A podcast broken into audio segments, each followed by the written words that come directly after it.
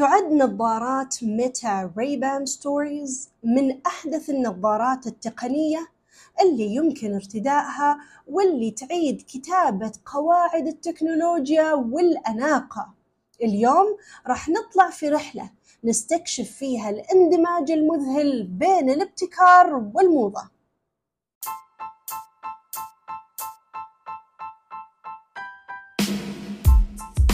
أهلا وسهلا فيكم في بودكاست ريم تاك البودكاست اللي ما يتعلق فقط بالتكنولوجيا بل يتعلق بتبني عقلية التعلم في عالم التكنولوجيا دائم التطور.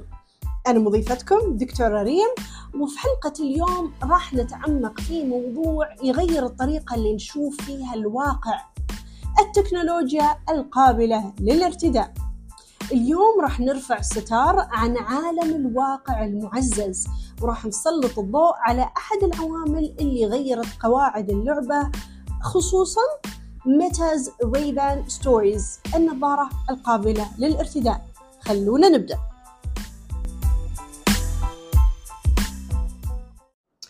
قطعت التكنولوجيا القابلة للارتداء أو ال wearable technology شوط طويل منذ أن بدأت. منذ الاستكشافات المبكرة لنظارة Google Glass وأيضا نظارات Snapchat Spectacles شفنا تطور كيفية تفاعلنا مع العالم المحيط بنا. لكن اليوم إحنا نبي نسلط الضوء على الأشياء اللي تغير قواعد اللعبة واللي أثارت ضجة كبيرة مؤخرا مثل نظارة Meta's Ray-Ban Stories هذه النظارات الذكية اللي تسمح لنا إن إحنا نسوي بث مباشر باستخدام النظارة أو live video streaming على منصات مختلفة مثل منصة فيسبوك ومنصه انستغرام طبعا أكيد المنصات التابعة لميتا وأيضا تسمح لنا بإننا نتفاعل مع مشاهدينا في الوقت الفعلي. النظارة هذه تخلي المشاهدين يستطيعون إنهم يهمسون في إذنك وأنت قاعد تسوي live streaming هذه ما هي بس تكنولوجيا هذه مزيج من الاتصال والابتكار اللي ياخذنا إلى أماكن أخرى. ومن المقرر أن تطرح نظارة Meta's Ray-Ban Stories النسخة الثانية منها لأول مرة في فصل الخريف من هذا العام.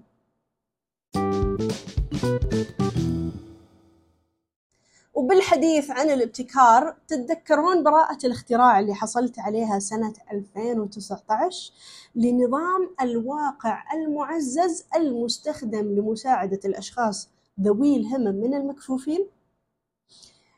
هذا النظام يعتبر شهادة على قدرة التكنولوجيا على تضخيم التجارب البشرية تخيل أجهزة نقدر نلبسها تدمج التصوير تدمج استخدام مكبرات الصوت تدمج استخدام الميكروفون أجهزة الاستشعار كل هذا تدمج بسلاسة لتحسين جودة حياتنا كأشخاص مفكرين تقع على عاتقنا مسؤولية توجيه هذه الابتكارات بشكل أخلاقي وأيضا ضمان أن الخصوصية والتمكين يسيران جنبا إلى جنب في كل أفكارنا الجديدة.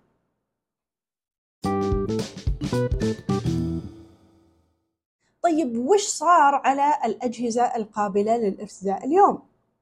نبغى نشوف في حلقة اليوم كيف تطورت بعض هذه الأجهزة وممكن كيف اختفت بعض هذه الأجهزة خلونا نتكلم أولا عن نظارات جوجل Glass وبعدها عن نظارات سناب شات Spectacles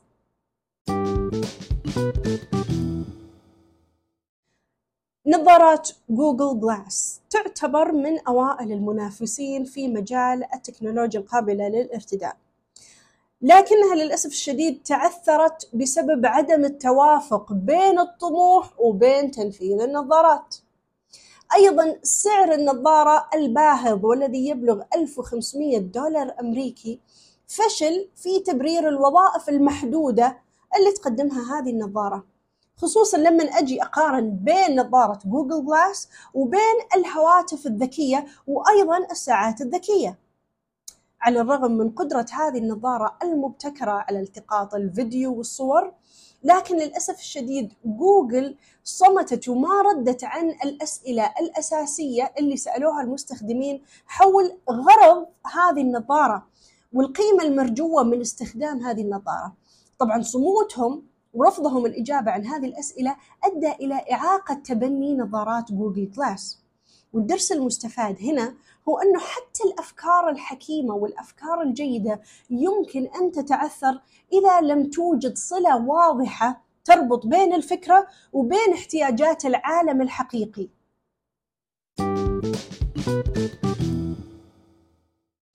ماذا عن نظارة سناب شات سبكتكلز واللي تعتبر ابتكار واعد من شركة سناب شات.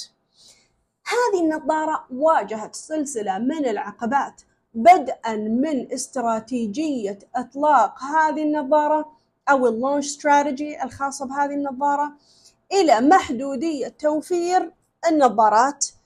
لأن شركة سناب شات لما طرحت هذه النظارات قالوا إذا تبون تشترونها روحوا لماكينات بيع أو vending machine سموها Snapbot علشان تقدرون تشترون سناب شات Spectacles طبعا هذه العوامل كلها أدت إلى خنق مشاركة نظارات سناب شات Spectacles على مدى واسع. أيضا أدى غياب مشاركة المؤثرين أو ال influencers على عدم تبني النظارة على نطاق كبير. وأيضا بعض المستخدمين اللي استخدموا نظارات سناب شات Spectacles اشتكوا من خاصية أن لازم المحتوى اللي أنا أصوره باستخدام النظارة سواء كان فيديو أو صور ثابتة لازم أنقلها على تطبيق سناب شات هم فضلوا أنهم ينقلون المحتوى سواء كان فيديو أو صور إلى ال camera roll بدلا من نقلها على تطبيق سناب شات للأسف الشديد النظارة هذه لما طرحتها سناب شات حاولت أنها تحل مشكلة لم تكن موجودة أصلا. يعني هم قالوا أنتم تقدرون تستخدمون النظارة علشان تصورون باستخدام ال hand free يعني بدون استخدام اليدين. طيب لما أنا أجي أستخدم النظارة ممكن أنا أشوف والله أن استخدام الهاتف الذكي راح يكون أسهل بالنسبة لي صح ولا لا؟ طب لما أجي أستخدم الفلتر أنا أقدر والله أشوف الفلتر كيف شكله باستخدام الهاتف الجوال لكن هل راح أقدر أستخدم الفلتر على النظارة أو لا؟ طبعا كل هذه العوامل إلى جانب سعر النظارة البالغ 380 دولار أمريكي. كل هذا بالإضافة إلى توقيت طرح النظارة السيء أدت إلى استقبال النظارة بشكل مخيب للآمال.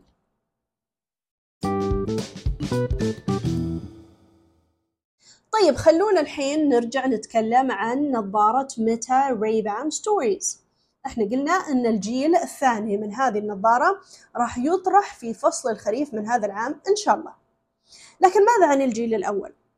الجيل الأول واجه مجموعة من التحديات حيث أشارت التقارير الواردة من صحيفة وول ستريت جورنال إلى وجود عقبة كبيرة في الاحتفاظ بمستخدمي هذه النظارات الذكية.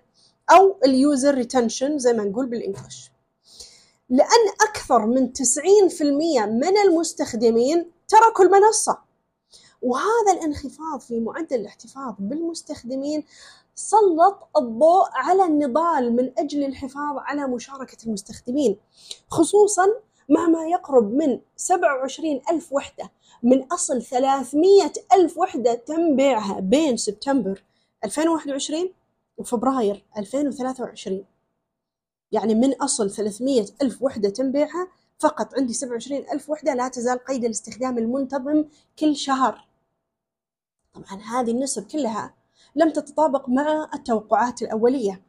لكن بالرغم من ذلك قالت شركة متى إحنا راح نطرح الجيل الثاني.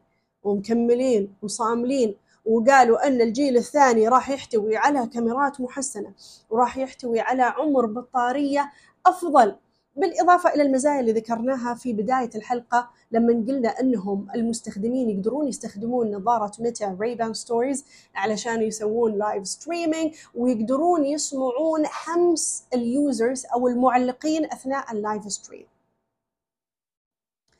طبعا تؤكد رحلة التطور هذه على الطبيعة الديناميكية للتكنولوجيا القابلة للارتداء حيث تتطلب الميزات الرائدة تحسين مستمر لتلبي احتياجات المستخدم وتحافظ على مشاركة المستخدمين.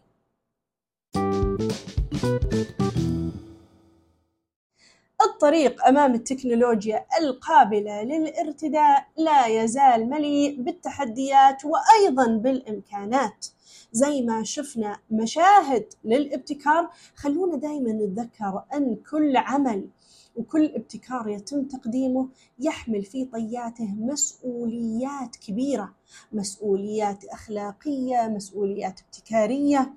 ودائما لازم نتذكر أن تطور هذه الأجهزة القابلة للارتداء هو أكثر من مجرد تقنية. بل هو انعكاس لعلاقتنا المتغيرة باستمرار مع التكنولوجيا وكيف نقدر نوظف التكنولوجيا علشان نطور من حياتنا ونحسن من جودة حياتنا.